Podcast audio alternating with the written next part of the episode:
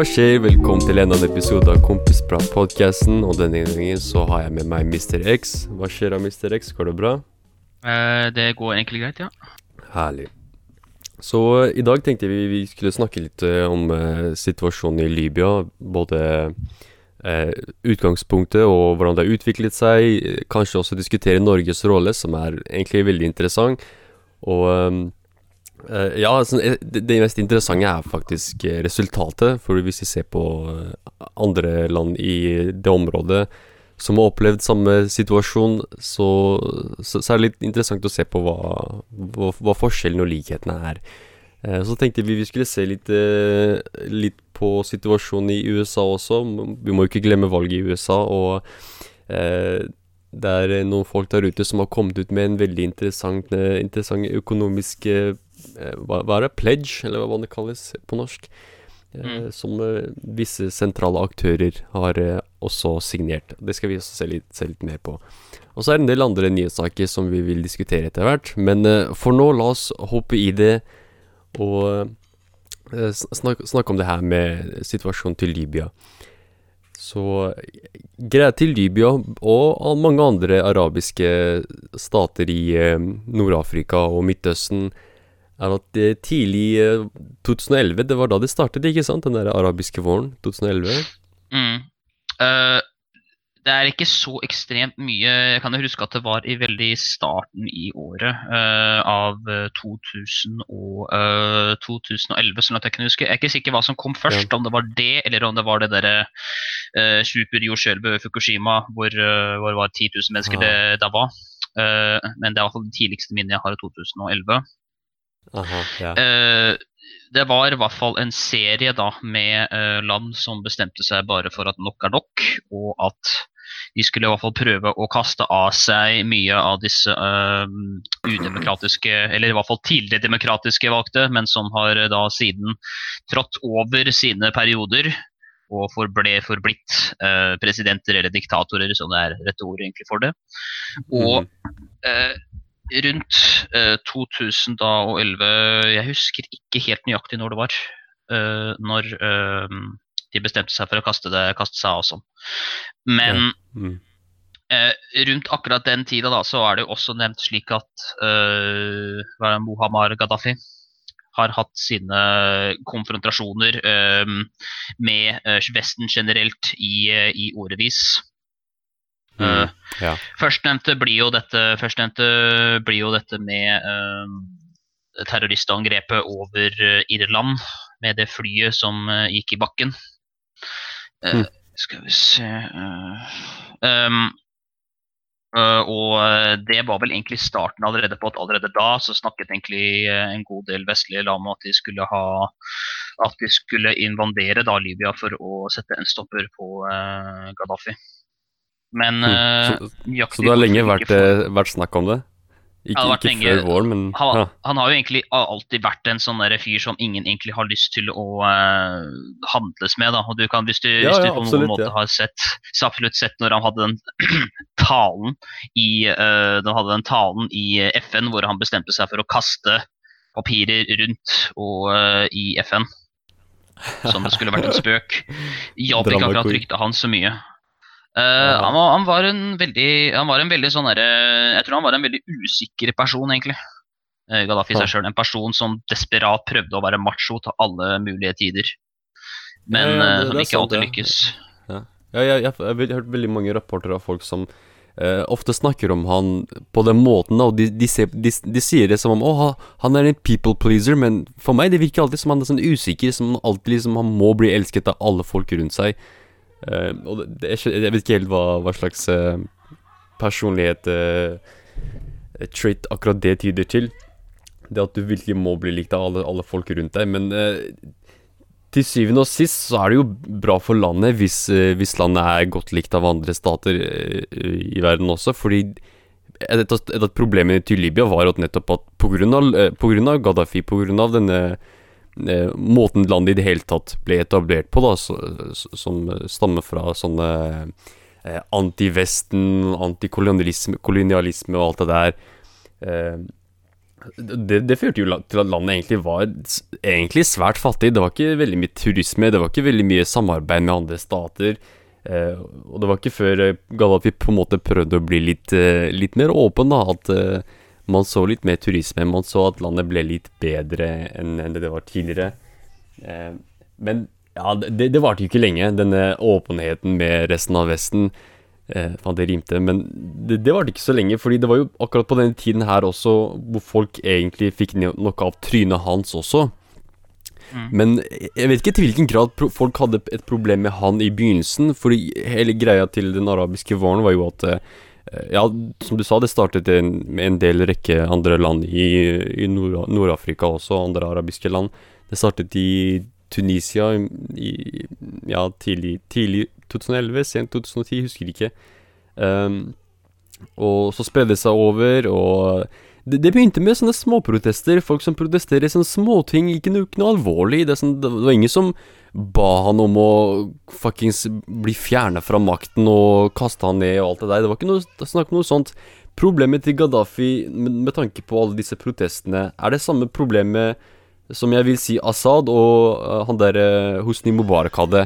Og det er at de møter disse protestene ikke med sånn der ah, ok, la oss, la oss lytte til disse protestene, la oss høre hva de har å si. Eh, de ville heller møte dem med skudd og fuckings vold. Og er akkurat der tenker jeg største problemet til eh, til eh, Gaddafi også var, at han, han møtte tror, disse protestene med vold. Og det var akkurat det som på en måte Ja, altså jeg tror egentlig at mange av disse landene, uh, mange av disse landene som da er i uh, Nord-Afrika og uh, Midtøsten fortsatt har eh, Det oppfører seg egentlig veldig på en måte det samme som uh, Frankrike opp, oppførte seg på eh, 1700-tallet, akkurat når den første revolusjonen begynte å sparke av.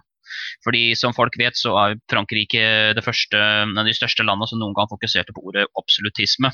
Som da vil si at uh, uh, kongen da, som var da statsoverhode, hadde absolutt makt. Han var valgt av Gud osv. Og, så og hvis du legger Mhm. merke til at alle disse, altså Gaddafi bestemte seg for å uh, Istedenfor å bli kalt seg selv eh, der? Jeg husker ikke om han var president eller statsminister. Han bestemte seg for å kaste av det, så bare kalle seg uh, den broderlige overhodet av Libya, bla, bla, bla, bla, bla, araber, bla, bla, bla. Masse sånn lang som ramse. Veldig likt Nord-Korea, egentlig. Og som da liksom eh, sier da at han er den absolutte lederen av uh, absolutte lederen av um, av Libya. Og alt da, Mhm. som i det hele tatt liksom, i det minste sette spørsmål på hvordan noen styrer noe i Libya, føres liksom, da blir det et, da et personlig angrep på den absolutte styreren i landet, som da er Gaddafi. Og da Mm. har da Gaddafi rett og slett bare bedt sine sikkerhetsstyrker om å skyte. Fordi Ja. de krenker hans ære, da, så det er en veldig narsissistisk løsning på problemet som endte opp til slutt da med å bli hans, øh, hans undergang Mm. i dette tilfellet. Å ja da, ja da. Ja. Absolutt narsissist. Ikke bare han, men hele familien hans, tenker jeg. Um, Ikke sikker på hvor mange som er i Det- live igjen av familien. ja. Nei, de, mange av de slipper dessverre unna. Så, men i, i seg sjøl, da, responsen da eh, rundt denne arabiske våren, når det til slutt uh, Gaddafi bestemte seg for å begynne å skyte, så jeg husker ikke helt hvem hvem som var den første personen til å skyte tilbake, men det var uh, Mm. bare da en serie med forsøker, som vi da rett og slett bare kan kalle opprørergrupper, som bestemte seg for at nok er nok. Og de hadde vel Ja. sittet og venta på en mulighet til dette. Og da Ja da. begynner jo det vanlige som alltid skjer, er at det er veldig usannsynlig at en sånn opprørsgruppe kan i hele tatt vinne uten støtte fra utlandet. Og noen bestemte seg for å da rekke ut en hånd. Og siden da Libya, så langt jeg kan huske, var en tidligere eh, fransk koloni, så var det vel egentlig Frankrike som svarte først på eh, Frankrike som svarte først på støtte for å kaste, for å kaste av seg eh, Gaddafi, som jeg antar har vært en eh, pain in their collective ass for en god stund. Så mm. da begynte da eh, Frankrike først å bombe. Eh, og så hoppa flere land da oppå, inkludert Norge. Yes. Og eh, så langt jeg vet, jeg leste nettopp om det, så sier Stoltenberg at han angrer ikke på at han eh, bestemte seg for å bombe eh, Libya. Ja, det er veldig eh, Veldig sterk, sterk ting å si. Som virkelig, du angrer ikke på, på alle, all de bommene vi droppa over Libya. Hvor, jeg, jeg tror Aften, er Aftenposten som refererer til bombingen her. De skriver at det var så mange som 588 bomber i denne bombekampanjen som Norge var med på. Og Mm. det er som om, det er ikke som om Norge sto bak all bombingen. Det, det er snakk om eh, så mye som en tiendedel, men fortsatt 588 bomber. Det, det er en del bomber, det, og gud vet hvor mange liv det tok. Så at han, han sier at han ikke angrer i det hele tatt. Ikke, ikke bare eh, situasjonen, hvordan den endret seg, men at du i det hele tatt bombet. At du ikke angrer på det. Det er veldig Veldig modig av han å si, da.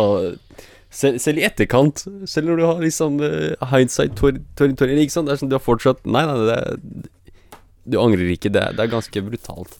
Men så Stoltenberg er jo da NATO. også Ja. Ja, nettopp. Uh, han uh, sier også at det ikke på noen måte skulle telles som en krig.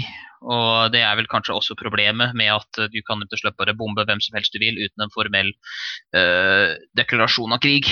Som ja, er litt interessant.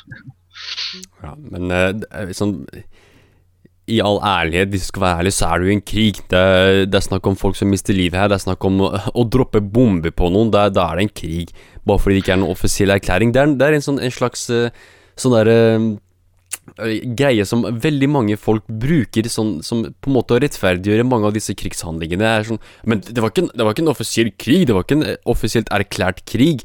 Nei, men det betyr ikke at det ikke er krigsmetoder som blir tatt i bruk, og det betyr ikke at det er folk som ikke mister livet her. Det, det, det ser ut som en krig. Hva er det de sier? If it smells like a war, if it, if it looks like a war, by God it's war, ikke sant? Det, det er obvious. Men eh, det får han mene selv, sånn herregud, hvis det, hvis det er det, det sånne som Stoltenberg mener at det ikke er en krig, det er Den meningen kan de holde for seg selv, etter min mening. Uh, men jeg, jeg forstår jeg, På den annen side, jeg kan forstå hvorfor han eh, Han og folk som han kan mene at uh, det ikke var feil av Norge å blande seg inn, og at det ikke var feil å fjerne Gaddafi. Det var jo Jeg husker jo uh, sånn 24-7 i mediene, sånn Enda en rapport fra Libya, enda en eh, nyhetsoppslag fra Libya, måten folk ble drept og eh, bombingen, sånn måten eh, opprørsstyrkene kjempet med, mot Gaddafi. Og det var ganske brutalt. Det var alltid en- eller annen eh, avisartikkel. Alltid. Det var aldri sånn Det var ikke som, som på en måte Syria ble dekket på. Jeg tror nok det var mye mer eh, brutalt enn eh, en, en situasjonen i Syria. Fordi her det tok, Den arabiske våren hadde nettopp startet. Og det tok bare et par måneder, og så var Gaddafi liksom uh, i, i krig mot hele Vesten også. Altså, jeg tenker det er helt utrolig hvor kjapt det gikk egentlig, i sammenligning med uh, selv Hosni Mubarak, da, som, som egentlig var litt mer brutal når man tenker på måten han reagerte på, på Mm. opprørene. Uh, og Assad er jo en helt annen sak. Det, det måtte en internasjonal krise til for at Vesten i det hele tatt skulle våge å blande seg inn i Syria, som er et langt mindre land med langt mindre ressurser. Mens Libya, som, som er et så stort land så, og, og har så stor risiko for ustabilitet, eh, det var liksom sånn Det var alt som skulle til for å droppe 588 bomber på norsk side. Så jeg syns det, akkurat det der var litt rart, sånn hvor villige vi var til å gå til krig. Men det, det kommer som sagt, som du sa, det, av at uh, man alltid har hatt et uh, dårlig forhold til Libya, så jeg kan skjønne at uh, Frankrike og andre vestlige stater var litt mer åpne for å gå til krig med denne jævelen. Og, og han var en jævel, selv om, selv om det- var på en måte en slags krigsforbrytelse, i, i, etter min mening, da, å bidra til situasjonen slik vi gjorde det. Så må man ikke glemme at eh, selv om Gaddafi eh, ble fjernet på urettferdig vis, så, så var han en, en, en fuckings morapuler. Eh, Det må man absolutt ikke glemme. Han var en krigsforbryter selv. Han, han, han står bak jævlig mye elendighet i Libya. Men det er der spørsmålet kommer inn, da. Sånn Spørsmålet Det da er har vi skapt eh, ja. Har Vesten da skapt fjernet en super-Gaddafi og Mhm. skapt mange mini- minimi-Gaddafier som nå løper rundt Nettopp. og fortsetter å drepe folk?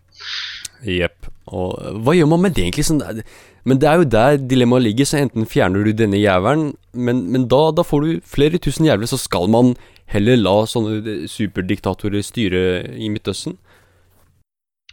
Problemet nå er jo at Libya har nå uh, så å si, i hvert fall ikke de urbane områdene, noen slags type infrastruktur. Uh, alt som er av for, for, på den tida, når jeg husker direkte etter Det var vel i 2012 at jeg først liksom tenker på sånn, hm, De har jo ingenting, de har jo ikke noe sted å bo. Fordi alle husene er blitt ødelagt, alle telefonene er ødelagt. siden amerikanere bruker mother of all bombs, type bomber, så det graver seg ned i jorda. så kan jeg anta at det er veldig dårlig med vann. Eh, mm -hmm. Så alt som er da over og under bakken, er da borte vekk. Og dette her er jo bare mm. eh, tankegang på det i våpenet. fordi det som er den usette krigen, er at vi eh, bombet dem sikkert, men det er jo ingenting i forhold til hvor mye våpen vi ga til folk som vi egentlig ikke kan stole på. Og um, Eh, folk som vi har, egentlig har ingen anelse uh, hva, slags type, hva slags type intensjoner de har etter krigen. Vi tenkte bare ok, på tide å fjerne Gaddafi. Tenker ikke på hva som skjer etterpå. Ja. fordi, uh, også, og de våpnene er vel fortsatt i sirkulasjon i landet, våpen som da Vesten har gitt libyske mm. opprørere. Mm. Som nå for alt jeg veit kan være en del av ISIS eller Boko Haram eller hva faen. ja. Så um, det som da skjer, er at når som du ikke har noen type infrastruktur, så blir det heller ikke noen type ro eller orden i landet. Og jeg er usikker på altså, det, det, er så mange forskjellige ting man kan tenke på. altså Hvor mye er det det kommer til å koste å bygge opp dette landet igjen? Hvor lang tid kommer det til å ta å bygge opp Libya en gang til? Og mm -hmm. um, La oss bare si at jeg tror Libya ikke kommer til å klare å komme seg på beina igjen Uh, når som helst uh, i uh, Anytime soon, så å si på engelsk. er å. Ja, ja det, det, det, er ganske Det er veldig, veldig, åpenbart når man ser på situasjonen akkurat nå. For det er jo de våpnene vi, vi putta i hånda på disse opprørskrigene som kjempet imot Gaddafi, de, de ble retta mot hverandre så fort vi stakk ut derfra. Og da, det, er der vi er nå. Vi er i en situasjon hvor den klanen der, og den eh, religiøse sekten der, og den eh, etniske gruppen der, alle retter våpnene mot hverandre, og det er borgerkrig. Folk som, folk som tidligere kjempet i samme hær, eller folk som tidligere var allierte, eller var, hadde, hadde sånn, bodde side om side, kjemper nå mot hverandre dreper hverandre, og kaller hverandre de verste tingene. Men det, er der vi er nå.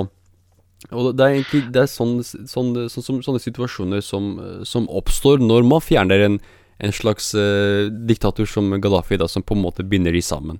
Nå som, nå, som, nå, som, jeg da. Eh, beklager. Ja. Ja. Uh, ja. nå som jeg Jeg kan ikke godt sende deg et bilde fra Al Jazeera her, uh, som du kanskje burde legge ut. hva er dette her minner om? Det bildet som jeg sendte deg. Det, det ser egentlig veldig ut som Afghanistan på noen måter. Hvem er det som styrer hva? At vi er tilbake til denne liksom, tribe mentalityen. at det er da, territorier som er mhm. styrt av visse, visse sånne hva, hva, skal jeg kalle det?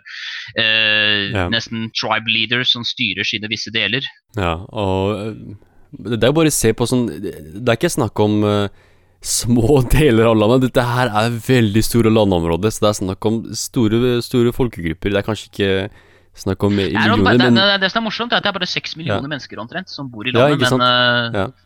Det er store landområder. Og det, er, se på alle liksom, de som ser bildet som De vil si at det dekker store deler av grensene, mange av disse forskjellige gruppene. Som den ene peker rett mot eh, Egypt, den andre peker mot eh, Niger, er det kalles? Niger? Niger. Den andre peker mot Tunisia, og, det, og tre, altså fire av dem peker rett mot uh, uh, Hva heter det? Uh, Mediterranean. Ja. Faen heter det? Ja, det, ja, det er Middelhavet. Middelhavet, ja. ja. Så det, det, er snakk om uh, viktige grenser, veldig viktige grenser som er kontrollert av, av hvem? Forskjellige grupper. Ikke én statsmakt, ikke én offisiell uh, gruppe som har, har kontroll over alle, alle grensene. Det er, det er, forskjellige folk. Alle har kontroll over sine egne grenser.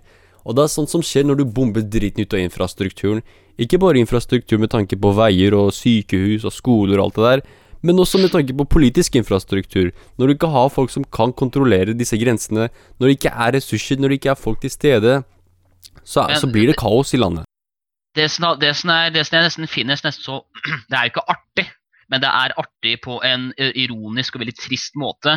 er at Hvis land ja. som, som Libya og land altså hvis, hvis for eksempel, da, Si f.eks. at land som, som Libya som har seks millioner, det er ikke særlig mye mer enn oss, og de har så mhm. masse mm -hmm. olje Da er det realistisk å tenke at hei, hvis de hadde hatt så mye olje og de har så få innbyggere, da burde jo egentlig folk i Libya vært nokså rike. Eh, -hmm. Men forestill deg, forestill deg en stat sånn som Libya eller en stat sånn som Tunisia. Alle disse statene her, forestill deg hvis de hadde brukt pengene sine, og vi ikke konstant hadde blanda oss inn, og de hadde da Mhm. løst sine egne problemer, kanskje vi ikke hadde endt opp med alle flyktninger fra Syria. Kanskje de da hadde heller flytta til Libya, som allerede er et muslimsk land, slik at integreringen Ja. hadde blitt så mye lettere. Og det ville fortsatt vært Stort problemer med Libya, men noen hadde da Mhm. gått til Libya istedenfor at alle går til Europa. For det er ingen som har lyst til å dra til Libya nå. Det er jo nesten like fælt. Nei, nei, nei, absolutt ikke.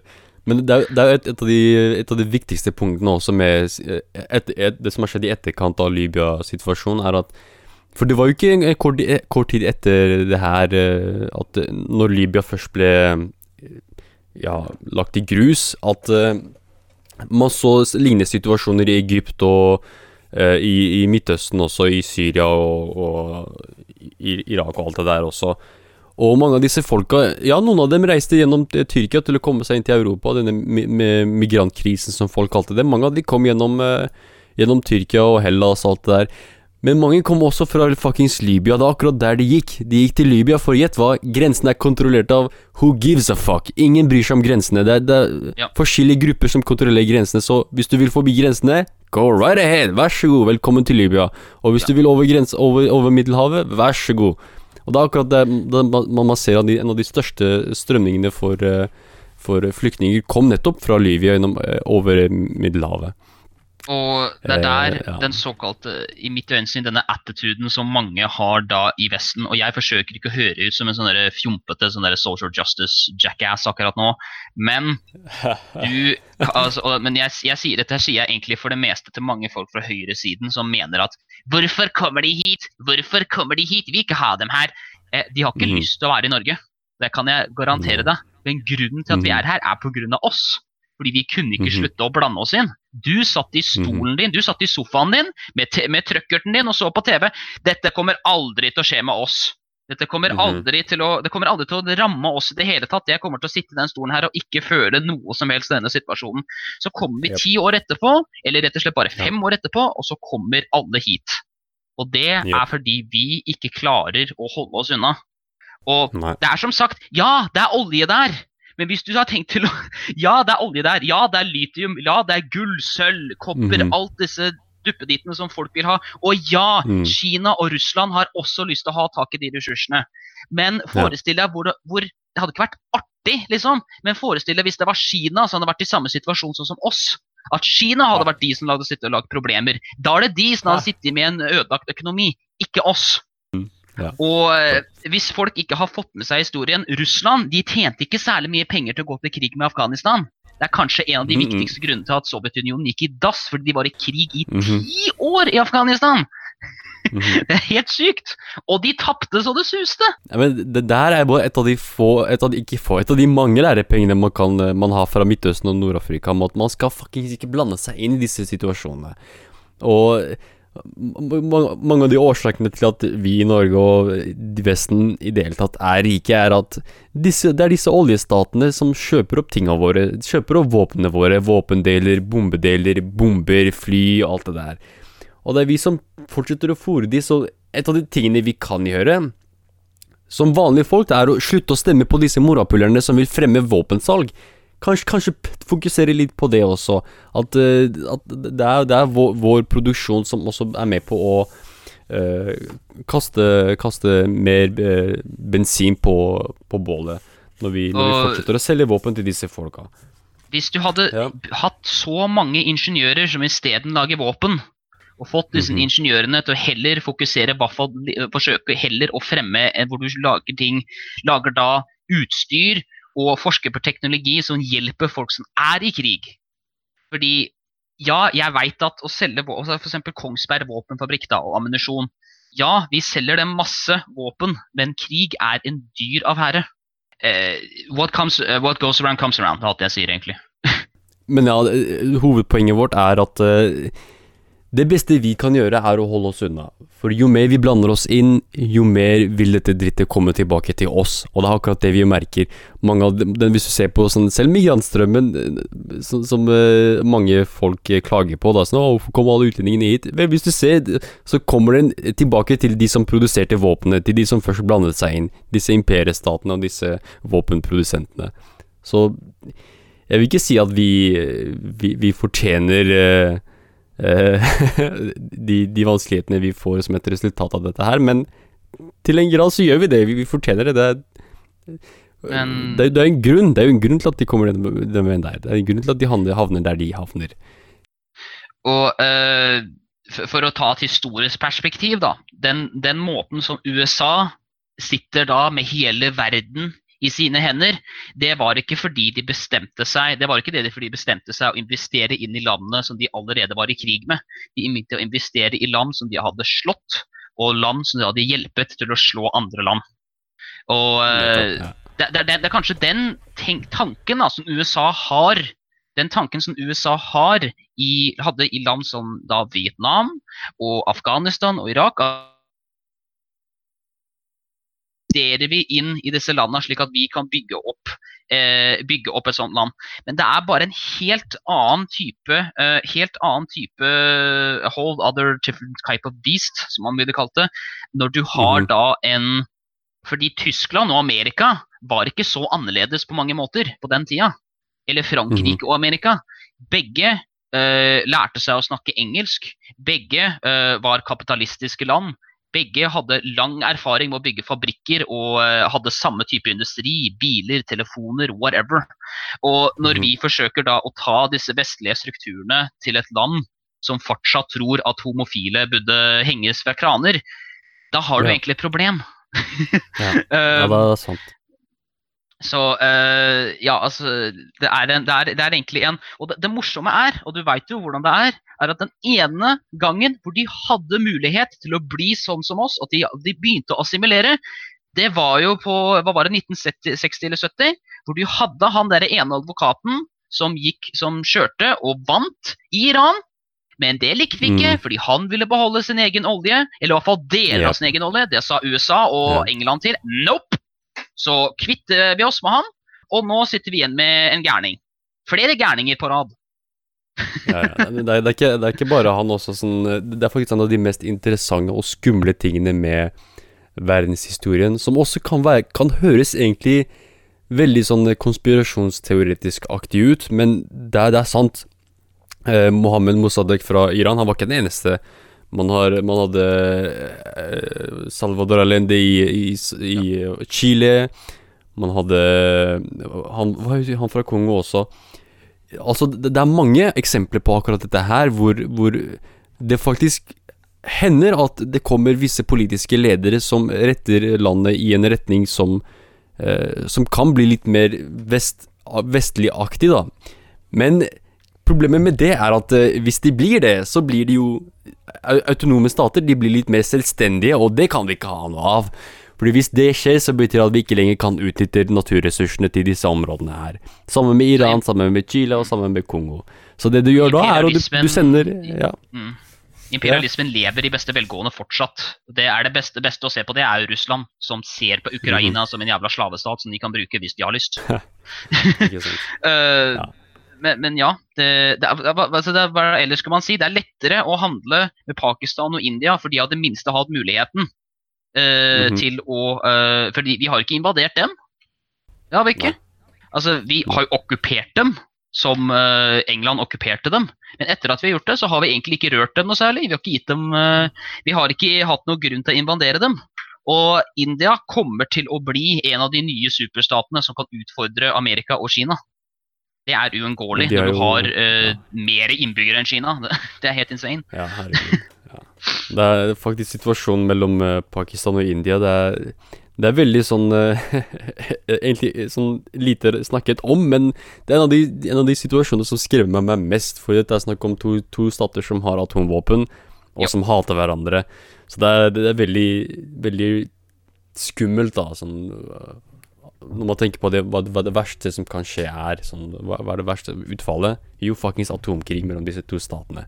Og dessverre så er de crazy nok. Jeg sier ikke at folk der er crazy, men det er sånn Jeg tror nok de er villige til å gå i krig til den grad, hvis, hvis, det, hvis de virkelig, virkelig føler for det. Men heldigvis så har det ikke vært, vært slik ennå. Ikke ennå. Uh, nei, ikke ennå, men uh, man skal aldri si uh, aldri når det kommer til situasjonen i Midtøsten. Alt som kan skje, kan skje der. Um, ja, det, det, er jo egentlig det, det spørsmålet er om Ja, det viktigste spørsmålet etter min mening er om Norges rolle i denne situasjonen her. vi burde holdt oss langt unna. Det, det er jo akkurat vår innblanding. Ja, det er vår innblanding som førte til at situasjonen ble verre, og det ble verre ikke bare for de der nede, men også for, for oss her oppe. Hvis du absolutt må tjene penger på det, så forsøk heller å tjene penger på det fra et uh, standpunkt hvor du har tenkt å bygge opp landet. Tenk på det som entreprenør. Vi venter til denne stormen her har blåst over, og det er nokså kaldt å si det sånn, men uh, det er bedre å ha liksom, på sin egen conscience og definitivt i fremtida at du kan handle etter at krigen er over, for da blir, fall, da blir de i hvert fall mindre sinte på deg. De kan alltid bli sinte på deg uansett. Men uh, som sagt, uh, Tyskland er ikke supersinte på, e på Amerika for at de hjalp å bygge opp landet sitt. nope. Nei, det er sant.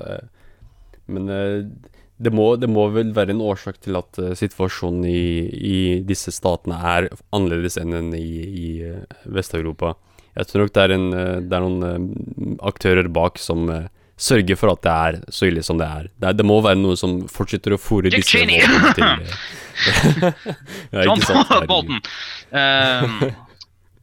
Men jeg, jeg, tror ikke, jeg, tror ikke, de har lært noe som helst. Når jeg, når jeg ser alle disse sånne der krigstrommene til uh, USA, når jeg hører de igjen med tanke på Iran, så tror jeg ikke de har lært noe som helst. Og jeg tror ikke de vil lære, så Jeg, jeg tror konflikten med Iran, selv om det, det høres veldig sånn morbid ut og, og, sånn snakke om det som om det definitivt kommer til å skje. Høres veldig creepy ut, men, men, dessverre, sånn Etter det jeg opplever, da, så virker det som om noe USA ikke bare vil gjøre nå, men noe de lenge har hatt lyst til å gjøre. Det er definitivt de har aldri, Jeg tror aldri de har kommet over den der eh, floppen av en De har aldri kommet over den floppen av en sånn der redningsaksjon som var under eh, Jeg tror aldri de har ordentlig kommet seg over det. Nei, jeg, jeg, tror fortsatt det, det må være noen minner, do, do, dårlige minner der. Men ja, eh, ja det, det er, Så det, det, kommer til å bli langt mye mer sånn der eh, skremselspropaganda om, eh, om, situasjonen i Iran også. Og jeg blir litt, hva heter det, litt eh, Jeg er litt interessert i å se hvordan norske mediene kommer til å reagere. Om de kommer til å bidra til å skrive masse artikler om hvor, hvor farlige og skumle persere er. Men eh, hvis jeg husker riktig, så bidro de til situasjonen i Irak, så de kommer nok til å bidra til denne situasjonen også. Og de, de bidro også til Libya, og de bidro også til Syria, så Iran eh, Så det, vi vil se det samme. Det, vi kommer til å se det samme vi har sett i de siste fucking 60 årene, dessverre. Ingenting har endret seg, og ingenting vil endre seg. Dessverre. Trist dag, men det er sant. Det er sånn det er. Det er veldig lite som endrer seg når det kommer til krig. Eh, la oss, gå, la oss, gå, videre til å snakke om en uh, litt uh, mindre håpløs sak. Kanskje en uh, sak som heller peker mot håp. Og det innebærer en, en annen politiker. Ikke en som Gaddafi, men kanskje helt motsatt av Gaddafi. En som faktisk bryr seg om folket. og det er Bernie Sanders. Så hva var greia til Bernie Sanders når det kommer til denne, denne pledgen? Kan du gi oss en kort ikke kort, men uh, kan du i hvert fall uh, oppsummere oss om hva, som, hva, som, hva, den greia er med denne pledgen? Så langt jeg veit, så har det vært mer eller mindre en uke da, hvor eh, TYT og Cenk Uger, som jeg ikke har naturligvis det beste forholdet til alltid, har ikke alltid det beste forholdet til TYT, for jeg mener ofte, ofte så snakker de litt før de veit om faktaene. Sånn så den gangen de hevda at ja ja, ja, kommentatorer. Det, det skjer. Ja. Uh, men uh, så har da Bernie Sanders vært veldig featured på uh, denne såkalte uka her nå som Cenk Ugur har hatt. Hvor han da har, ja. har vært litt intervjua av Cenk. Og mm -hmm. nylig så har da The Young Turks Network satt opp da en såkalt pledge, sånn en petition som du da kan undertegne på. Som da så å si sier dette her er det jeg tror på. Og uh, dette her er det jeg Dette her er noe som jeg må bli med på uh, i dette i valget som kommer. Uh, det, de, så hva er, hva er disse hovedpunktene? Fordi det, okay, Vi snakker om uh, sånn symbolsk act, egentlig. Sånn, du, du signerer, ok, du, dette er hva du står for, men uh, sånn mm. det, det, må da være veldig spesifikke det er det. Uh, det er ting veldig, da, som, veldig, som, har litt mening. Det er veldig spesifikt, ja, okay. og jeg kan nevne dem. Uh, første er Jeg kan like godt lese det på engelsk. Uh, higher wages. Ja. I pledge to fight for a 15 dollar minimum wage and collective bargaining and to work behalf of the American worker instead of corporate donors. Det er én. Uh, two, I'm Medicare for all. Uh, I pledge to fight blah blah blah uh, for medical care for all. single health healthcare single payer healthcare system that transform healthcare in this country into a right and not a privilege. So wow. det The Green New Deal. Sånn er for, I pledge to fight for a 10-year plan to mobilize every aspect of American society to achieve net zero greenhouse gas emissions and create millions of new high-wage jobs building the infrastructure and industries of the new economy. Wow. Uh, nummer fire er uh, College for All. I pledge to fight for free college for all, so that everyone can get to live the American dream, not just the wealthy elite. Og sist er End the Corruption. I pledge to fight for a constitutional amendment to ban the private uh, financing of elections and to use all available paths that the amendment so that we can once again have free and fair elections. Wow. Og uh, dette da er noe som uh, noe da som uh, Bernie Sanders har da undertegnet på. Og det virker mm. virkelig da som at Bernie Sanders virkelig double down enda mer enn det. Altså at han, ikke da, at han da ikke er sånn som Obama, som sa at han skulle double down på disse ting, men aldri gjorde det. Mm. Uh, og da, at, da, da, er det egentlig noe som Bernie Sanders tar egentlig en stor risiko på noen måter. da, er at Når han dobler mm. down på dette, så må han levere når han kommer til, uh, når han kommer oh, til uh, regjering, hvis han vinner. Ja, ja det, er, det er sant. Men det, det, det, er veldig sånn sterke standpunkter, og alle er absolutt sånn dødsnødvendig. Og dette er ting som eh, man skulle tro at et land som USA, som er eh, såpass eh, velstående og, og såpass mektig, allerede har. Men absolutt ikke. Dette, dette er ting som man, man gjenkjenner i en tredjeverdensland. At du ikke har nok lønn for folk, og du ikke har et helsevesen som dekker alle borgere. At du ikke retter synet mot grønn energi at du ga gratis utdanning. Sånn herregud, sånn, hvordan, hvordan, kan du drive landet framover uten et utdannet befolkning? Og, og eh, den siste. Det siste Jeg skal være ærlig, sånn For meg, det siste, altså korrupsjon, det Det, det bør være det første. Sånn, det bør være det første alle, absolutt Ikke bare folk som Bernie Sanders, men absolutt alle politikere blir spurt om, og, og sånn konfrontert om, da. Så hva, hva, hva, faen skal du gjøre om korrupsjon? For den, denne korrupsjonen det er noe som ikke blir diskutert nok, selv, selv ikke i, i no, norske konteksten. Så hver gang jeg nevner dette her med den graden av korrupsjon i amerikansk politikk, så blir jeg sett på som om jeg, jeg fuckings jeg, jeg snakker om enhjørninger. Så nei, det, det, dette er fakta. Når du, når du donerer så, såpass mye penger som du gjør til visse politikere, gjett hva som skjer? Jo, de, de, de fortsetter å gjøre det, det faen hva enn du, du ber dem om å gjøre. Det, det, er menneskenatur. Hvis du gir meg 200 kroner, og du ber meg eh, vaske vinduet ditt, gjett hva jeg kommer til å vaske vinduet ditt. Hvis du gir meg 20-kroninger og 20-kroning eh, til, å, til å be meg om å vaske vinduet ditt Jeg kommer ikke til å vaske vinduet ditt, sorry, ass. Så 20-kroning, du må nok gi meg litt mer. Så den som gir meg 200 kroner, han kommer til å få eh, min service. Og det er akkurat det det er snakk om her. Det er snakk om politikere som får jævlig store summer penger til å fremme viss politikk som de fremmer når de først kommer i, i, i makten. Og det er akkurat det som er problemet. Hvordan, hvordan skal du få 15, 15, eh, dollar i timen? Hvordan skal du få et bedre helsevesen og grønn, politi, eh, grønn, eh, grønn energi og gratis utdanning når du ikke kan introdusere disse lovene, når du ikke kan endre på det pga. alle disse folka som sitter i regjeringen og, og som sitter i, i parlamentet, som, som, er kjøpt opp av disse folka som mm. har interesser som peker helt imot disse, disse politiske standpunktene. Så det bør være nummer én, etter min mening. Skal vi eh, like godt egentlig gå og gi uh, poengene én etter én litt sånn kort? Ja, sure. Uh, Den første, higher wages, er ofte den som jeg mener ofte republikanere og uh, personer som jeg helst ville sett uh, vi gjerne har sett bli kjørt over antrekk, sånn som uh, Ben Shapiro. I talk fast. I am an intellectual. I can, I can give you random historical facts that have absolutely nothing to do what we're talking about. bare um, side, side, side point, hvis du er en Ben Shapiro-fan For det første, bare se på det intervjuet han hadde med BBC-journalisten, hvor, hvor han viste sine sanne farger.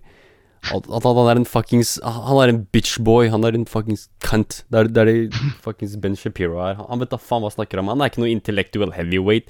Han er en fuckings intellectual shitweight. Altså, fuck han. han er en jævla midget. han er en midget ja, altså, midget class. Det er det han er. Um, ja. uh, så det blir da uh, Blir da um, Første er da higher wages, som er ofte som sagt noe ja. som uh, republikanere konstant, og demokrater for den slags skyld, uh, sier dette her kommer til å knuse super, det som selskapene. Det kommer til å knuse mindre selskaper. Uh, oh, really? Greia er at ja, det, det, det, det, er det morsomste, er det morsomste, fordi her er mitt counterpoint. Hva er en av de største selskapene i verden? McDonald's. Veit du hvor mye deres COO, COO uh, Steven Easterbrook tjente i fjor? Hvor mye? 21 millioner 761 og 52 dollar.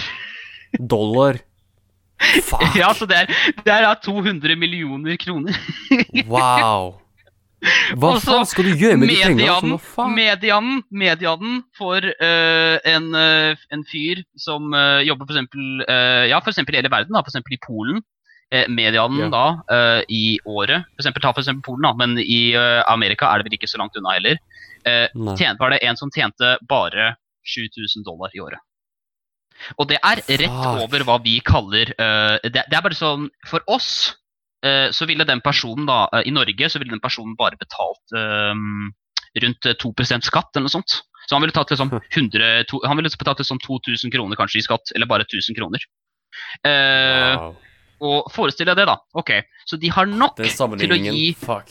sjefen for selskapet og sikkert mange andre flere millioner på millioner på millioner med dollar. Eh, så masse penger. Men de har ikke råd til å eh, bumpe opp minimum wagen til en 15 dollar standard. Og de snakker konstant om at Men hva med mindre selskaper? Hva med mindre selskaper? Ok, dere, ok, Amerika som en politikk dere hater mindre selskaper. Fordi mindre selskaper i deres land har ett fokus. Hvor mange selskaper altså, så for eksempel en, uh, Hvorfor er det så jævlig mange McDonald's og Burger King og Wendy's over hele, Europa, uh, over hele Amerika, men ikke independent uh, restauranter? da? Og Grunnen til det er fordi mindre restauranter sier seg mer eller ofte villig til å selge sin eiendom over til McDonald's eller Burger King. Fordi mm -hmm. det Amerika, egentlig amerikansk politikk handler om, altså corporate politics i USA, er at mindre selskaper burde jobbe seg opp slik at de kan bli kjøpt av et større selskap. Nettopp, og ettersom at de alltid gir skattelette til de folka som er rikest i landet, som på alle måter På ingen måte Ok, hvis du var superrik i USA, og du hadde en utdanning som advokat Altså, uh, I'm educated, uh, jeg har utdanning i law, but I don't practice it.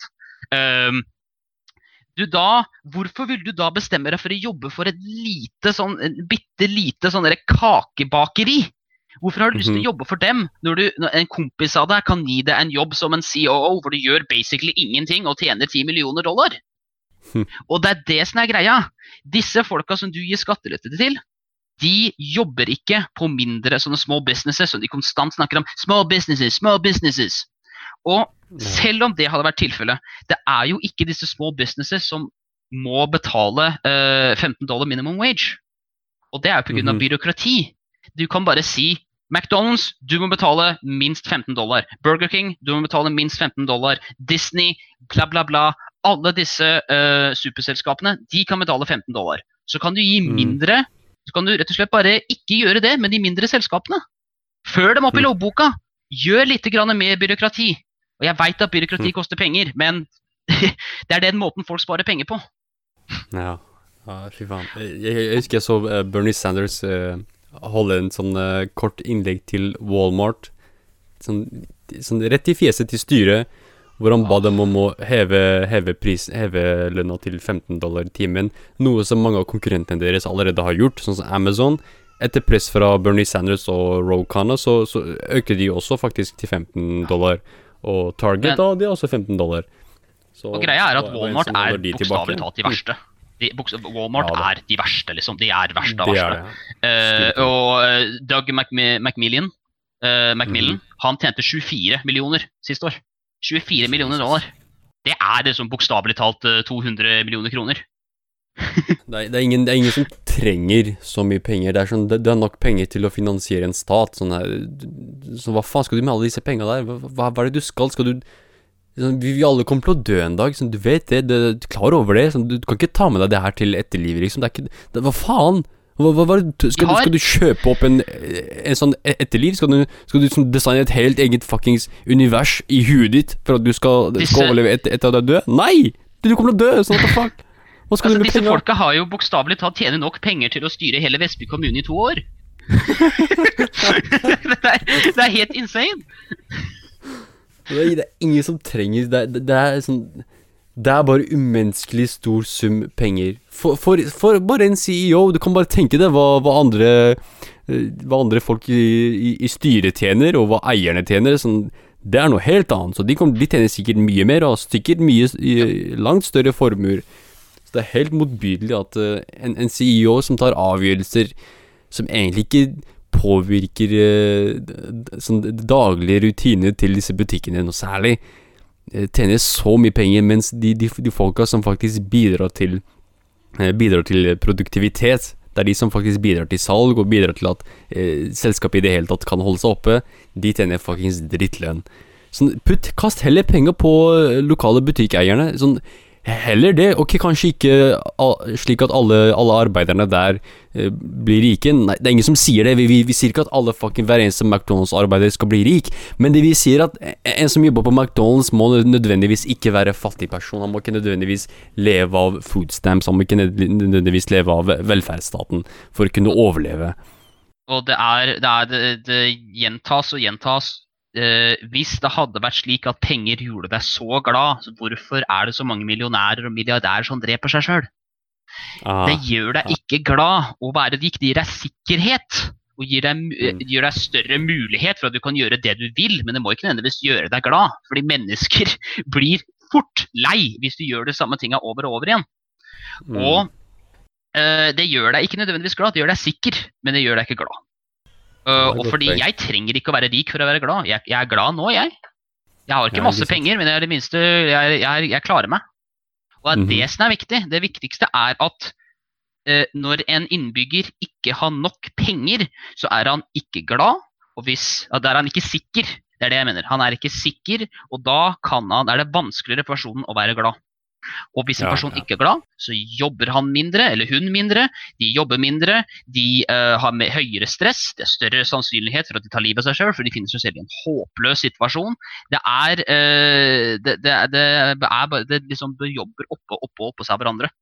Og uh, For ikke nevne da at eh, jo fattigere en innbygger er, jo mindre sjanse er det for denne eh, innbyggeren å faktisk stimulere økonomien.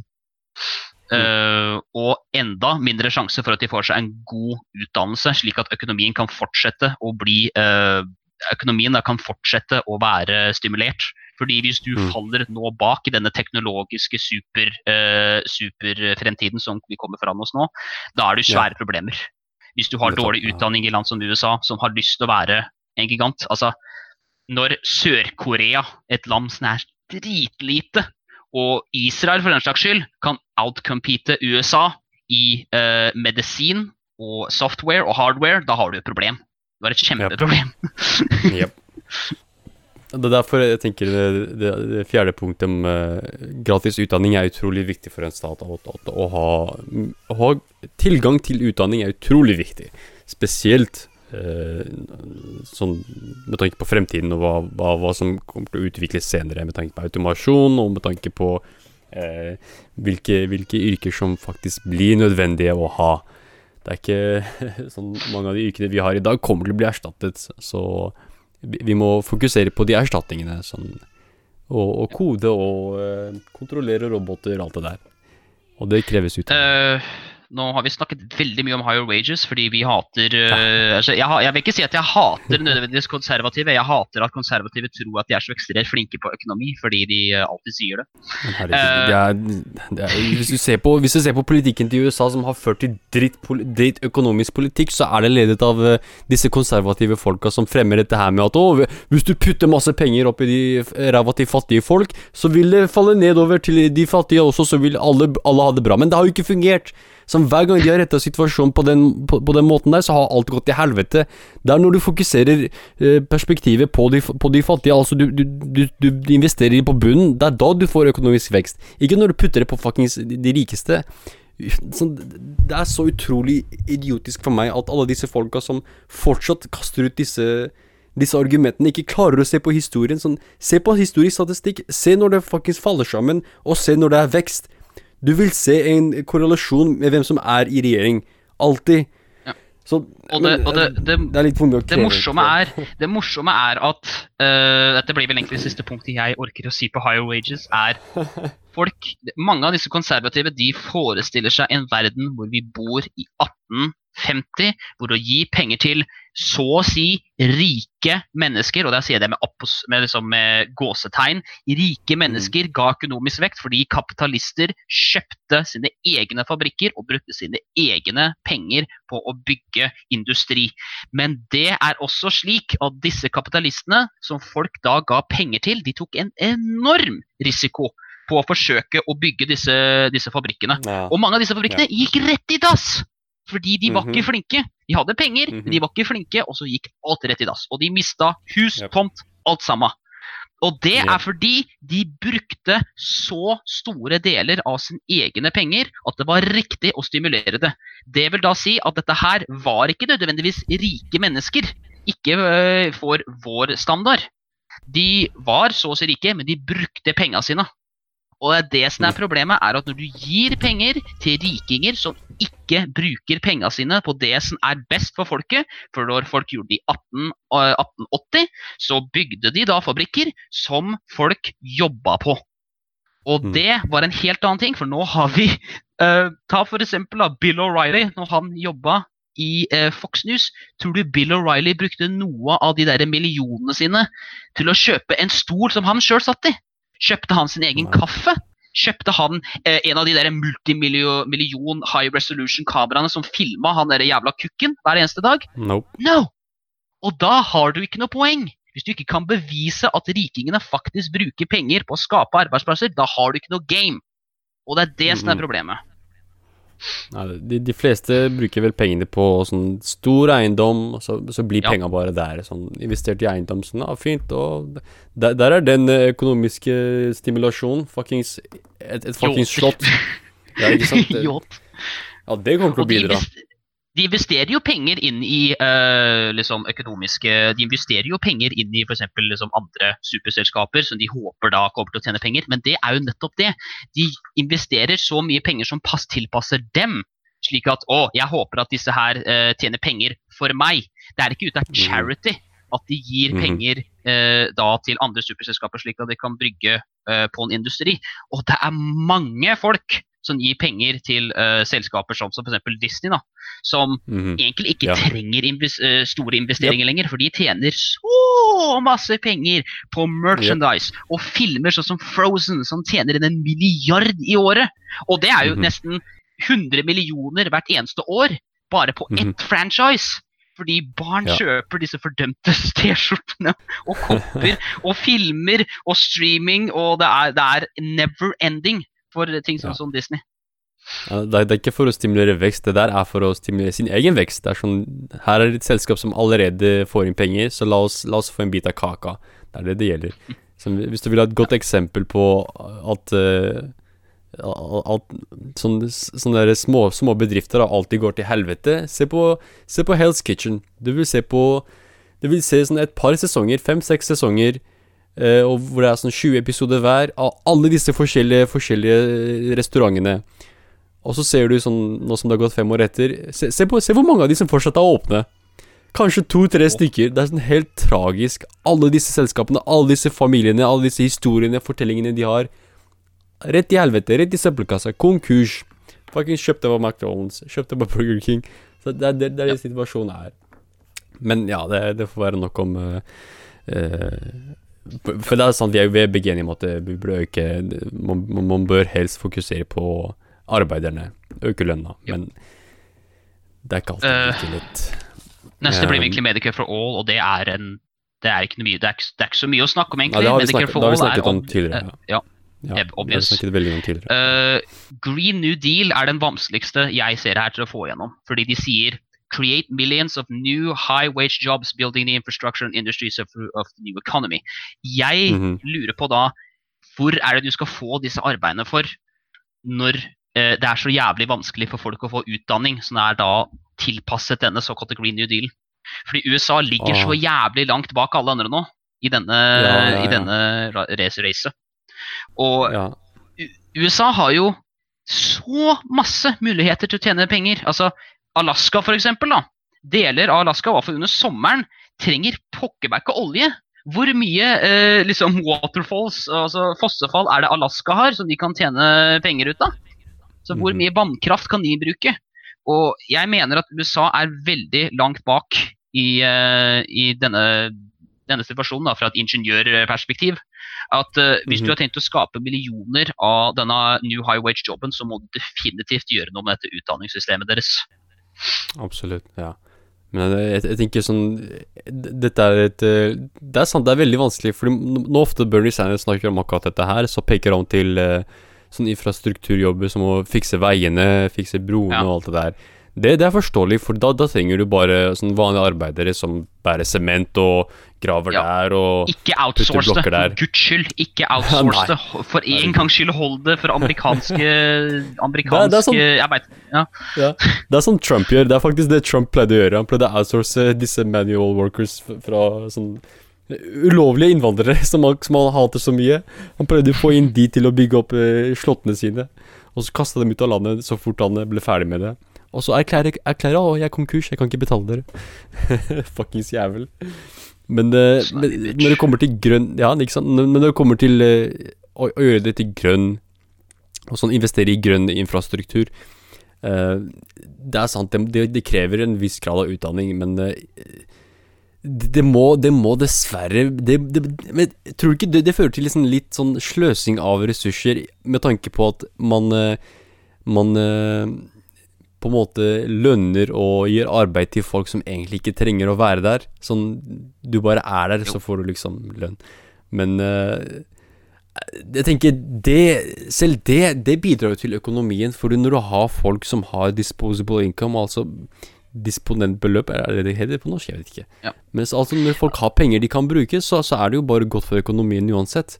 Sånn Selv om, selv om det ikke nødvendigvis er like viktige som den ingeniøren da, som bidrar til å tegne opp eh, de Ja. nødvendige planene. Men Og eh, altså Green New Deal uh, kan også kreve at amerikanere må også bare bli vant til denne Og jeg sier dette her, dette her kan være make it or break it for menneskerasen. Vi må begynne å ta nuclear fission mer seriøst. Fordi Og, hva, hva tenker du? altså- Tenker du investere mer i det? Ja, altså, altså ja, ok. Jeg veit at det er en risiko med det. Men greia, denne såkalte risikoen, er fordi altså, Hva er de største katastrofene vi har hatt? Det er to katastrofer vi har hatt med nuclear fission det som er veldig nevneverdige. Vi har Fukushima, og mm. vi har Tsjernobyl. Begge disse to Ja. har noe veldig felles med hverandre. De var bygd forferdelig dårlig, eller maintaina forferdelig dårlig. Og så hadde du idioter som styrte det, som ikke fulgte prosedyrer, og så gikk alt til helvete. Ja. Og en god del av det var tilfeldigheter.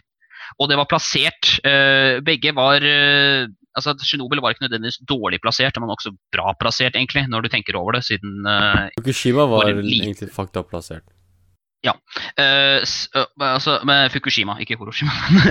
um, Ja, Fukushima. og, Ja, og da uh, det, vi, det vi da mener, er at jeg, altså, Som sagt, det er en risiko med eh, sånne nuclear power plants, men det er naturligvis også en risiko med olje.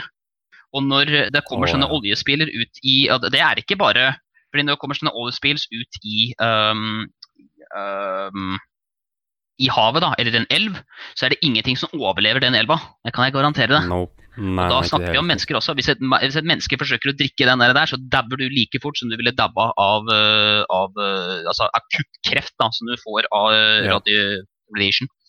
Og vi har da kommet til en situasjon egentlig hvor vi har gjort uh, nuclear fission, altså atomkraft, nesten, nesten så trygt som det går an å gjøre det. Og eh, det, det, er ikke, det er ikke en wonder drug liksom, som kommer til å kurere alle greier, men det kan fylle Nei. opp Atomkraft kan fylle opp det tomrommet, i hvert fall store deler av det tomrommet, som da eh, som da eh, atom, nei, eh, atomkraft kan fylle opp det tomrommet som olje kommer til å legge bak seg. Og Ja. det er det er den ene delen som den risikoen som de egentlig må ta. Eh, og jeg mener alle land burde fokusere på det, burde outsource seg selv til å forsøke å få disse bygga i andre land. For det er eh, det er en fantastisk måte å, å få en energi på, er å bruke nuclear fission. Eh, og og det kan hende at USA vi- egentlig burde ja. investere i det. Ja, jeg, jeg tror hvis, hvis vi ikke bare fokuserer på det, men har det som en slags kombinasjon, da, alt vi fokuserer på kjernekraft og samtidig har eh, fokus på de litt mer eh, grønne metoden, da, som vindkraft og vannkraft. Så, og, og selvfølgelig sol, men jeg, jeg, jeg er en av de som fortsatt er litt, litt, litt skeptiske, nettopp pga. risikoen som kommer med de, disse sånn avfallet som kommer med det, og uh, de, disse Ja, ja hva slags folk vi putter i, i, i, eh, i kontrollrommet, da. Sånn, man må være jævlig forsiktig, og man må alltid regne med at uh, human error alltid vil oppstå. Men, det er litt eh, man, risky, altså, men uh, det er, det men jeg, jeg, tror men, poenget, jeg tror poenget, ditt, ja. poenget ditt er perfekt. For det er helt sant. Det er langt, det er langt flere oljekatastrofer enn det har vært katastrofer med, med kjernekraft. Og de er jo like, om ikke mer, katastrofale for, for både klimaet, med tanke på naturen og dyrene, og mennesker. Så mange av disse, disse urbefolkningen i, i eh, Nord-Amerika, disse eh, indianerne, som utvikler kreft og sånt. Hvorfor faen tror du det skjer? Jo, fordi disse, disse oljeselskapene spruter ut olje fuckings midt ute i gata. Så det er ikke rart de utvikler alle disse sykdommene og dør så eh, på, de, på de måtene de gjør. Nettopp av fuckings eh, forurensning som et resultat av olje. Så eh, ja, jeg er i hvert fall overbevist. Jeg var veldig skeptisk, men jeg, jeg tror jeg er overbevist. Altså, det, det er ikke nødvendigvis at jeg må overbevise noen, men det er, det er bare en øh, Jeg tror ikke vi har egentlig noe særlig mye alternativ. Hvis folk leter liksom med noe som kan fylle tomrommet etter olje, så er kjernekraft i hvert fall det som øh, det, er, det mest avanserte, bortsett fra astrofysikk, som vi har kommet borti i fysikken, er kjernekraft. Og øh, folk jobber hardere på det enn noe annet. Ja. Um, det neste har vi egentlig allerede nevnt, så det blir jo College for all. Hvis Ja, du har tenkt å ha et system som jobber seg på en middelklassesystem, hvor folk er utdanna til å bli medlem av middelklassen, da må du ha en Mhm. utdanning som uh, er da uh, stimulert nok økonomisk til at folk kan gå gjennom det. Og det kommer jo Mm. aldri til å, det kommer jo aldri til å gjøre slik at eh, du ikke må betale for utdanningen, fordi vi bor jo i Norge, og vi har de mest liberale politikkene på utdanning. Vi må Mhm. fortsatt ta opp studentlån for å bo i området eh, der vi er. Men i det minste så får studenter i Norge får tilbake stipend etter at vi har gjort ferdig utdanning år, som er da som initiativ til Hei, du fullførte det! Bra jobba! Her gir vi deg noe av penga tilbake. Få deg enda mer utdanning. Og vi kommer til å gi deg skattelette hvis du har gjeld i løpet eh, Hvis du har gjeld, så gir vi deg skattelette, slik at du kan betale det bort. Slik at du kan eh, rett og slett være glad og bidra til økonomien i landet bedre. Mhm. Og Ja. det, det er denne politikken som USA da mangler. De tenker 'pull yourself up by the bootstraps', og alt skal være basert Mhm. på hvor flink du er. Men ikke alle er like flinke. Nei, det, men det det, er ikke, det er ikke mange som har boots. Ja. ikke alle er like flinke, men det betyr ikke at, ikke at alle er useless.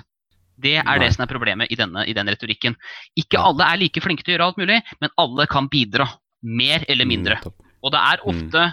En, en, Å ha to personer er ofte bedre enn å ha én. Ja, absolutt. Det, det er, det er, jeg, tenker på meg selv sånn Før jeg begynte på universitetet jeg, Ikke for å si at jeg er blitt noe smartere nå, men jeg var en dum jævel. Og så, så jeg, jeg, så jeg kan endte med å bidra med litt til, eh, til, til eh, kunnskap der ute. Så mye som jeg kunne. Så er, alle kan, alle kan eh, oppnå noe hvis de først får utdanning, hvis de først får muligheten. Men man må først man må først gjøre det tydelig at hvis du faktisk vil utdanne deg, så, så bør det være mulighet til det. Og heldigvis så i Norge så har vi et sånt system hvor hvis du faktisk er flink og du bryr deg og du vil utdanne deg, så er muligheten der.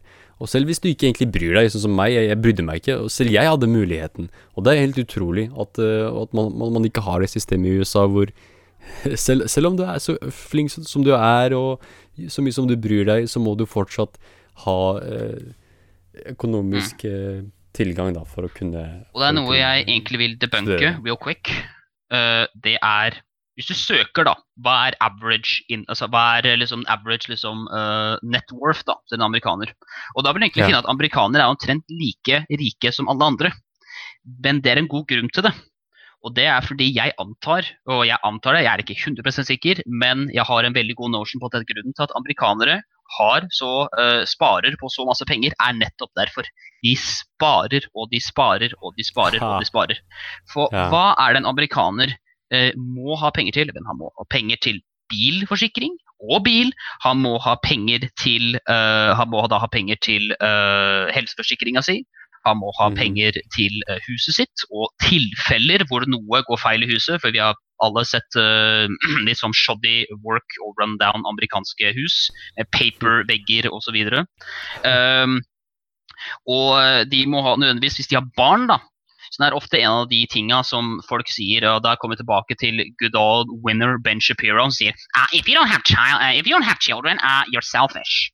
Vet, ja, har du ja. no, altså jeg veit ikke engang om han fyren har barn, men hvis han har barn, så er det enda verre. Fordi hva er det som er hyggelig med å ha barn hvis du ikke har penger til å fø barnet? Ja. Spesielt siden du har lyst til at barnet ditt skal få utdanning. Vel, det koster jo skitmasse penger. Det er jo derfor folk sier I gotta put this in my college fund. Og ja i Norge så har vi ikke et jævla college fund. Vi trenger det ikke. Nei. Men i Amerika så har de det. Og folk derfor, amerikanere sparer på å få dømt masse penger, er fordi de må ha penger klare i tilfelle systemet eller bare naturen i seg sjøl rett og slett skrur dem over. For det er ingen ja. i Amerika som har tenkt å redde deg hvis noe går feil. Du må trekke deg sjøl opp med bootstrappen, og derfor er det slik at mange amerikanere har mer penger i banken sin, er rett og slett pga. den rett og slett den uforutsigbarheten uh, om de må ha penger klare. Uh, og det er ikke en hyggelig situasjon å be i. fordi selv om amerikanere da har masse penger, så tilsvarer ikke det med andre land som har like masse penger, men på happiness-indeksen. Fordi mm. amerikanere er ikke like happy som f.eks. vi er. De er veldig stressa, og de, er, de har høye selvmordstall. Ja. og det, det er det, det matcher liksom ikke. Jeg tror ikke amerikanere, de average American, har det så fint. Nei. Uh, eneste problemet vi har i Norge, er at vi er deprimerte, men det, det er pga. været. Det er, det er, ikke noe mer enn det. det er, situasjonen der er mye verre. Det er absolutt Herregud. Um, men da, det, dette var i uh, Det siste var som sagt korrupsjon, men herregud, det Det Redundant. Ja, uh, men det, dette er noe som jeg mener ikke bare gjelder for uh, Amerika. Som, ja, dette, dette, er en global, et globalt problem. Uh, ja, men hva, hva, kan man gjøre med det? Det er, er som sagt menneskenatur. Man må først komme til bunns med det. Sånn, hvordan, hvordan, skal vi bli en mindre grådig rase? Men det, det er vanskelig. Spesielt når det er såpass mye muligheter som, som gjør det mulig for at uh, korrupsjon i det hele tatt kan finne sted. Det, det, man må først uh, Ja, man må fjerne menneskenaturen. Man må, man må også ha, ha, ha, politiske systemer som, som gjør det mulig å stå imot korrupsjon. Men det, det, er ikke mulig. Er, det er en av de vanskeligste. Det av de vanskeligste, så Også en av de, et av de viktigste. Um, men ja, Bernie Sanders har uh, signert, så det er veldig, veldig godt mm. å høre. Uh, jeg, tror, jeg, tror, ikke Joe Biden kommer til å signere dette her. Jeg tror ikke, han kommer til å tenke på det engang. Uh, han har jo plutselig allerede gjort det klart han ikke skal gjøre det, hvis du har sett på tidligere retorikk av fyren.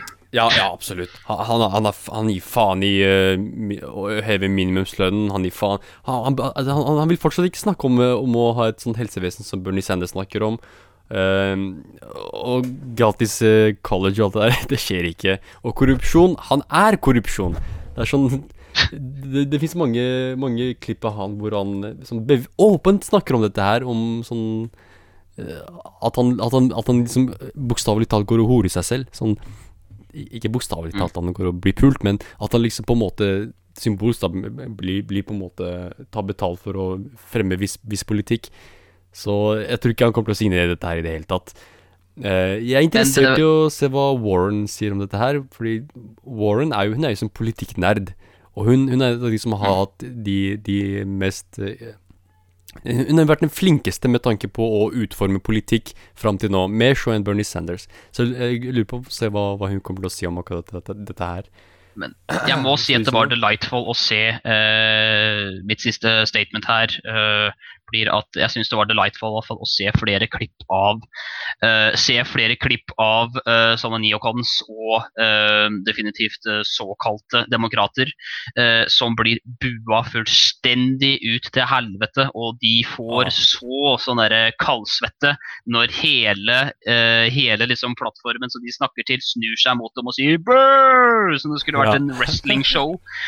når de sier at Medicare for all is not a good idea. Og Ja. eh, liksom hele stedet erupter i one, uh, ett stort bu. Ja, det- dette er presidentkandidater. Sånn, du, du skal ut og fremme populære ståsteder som er Hva, fuck dere, dere vil ha det her? Fuck dere, så blir du bua. Selvfølgelig blir du bua, som du driter på dem, hva faen? Jeg tror jeg skal legge til et par videoer på YouTube-klippene hvor folk får se dette her. Det er helt utrolig. Ja. Ehm, men ja, eh, takk for oss for nå. Det, det ble en veldig lang eh, podkast, dette her også. Så Mr. X, takk for at du eh, ble med på dette her. Og, Delightful. eh, yes, of course. Og takk for at du hørte på. Dette var Hivar og Mr. X og Kompisprat episode 70. Takk for at du hørte på, og nå litt heftig musikk.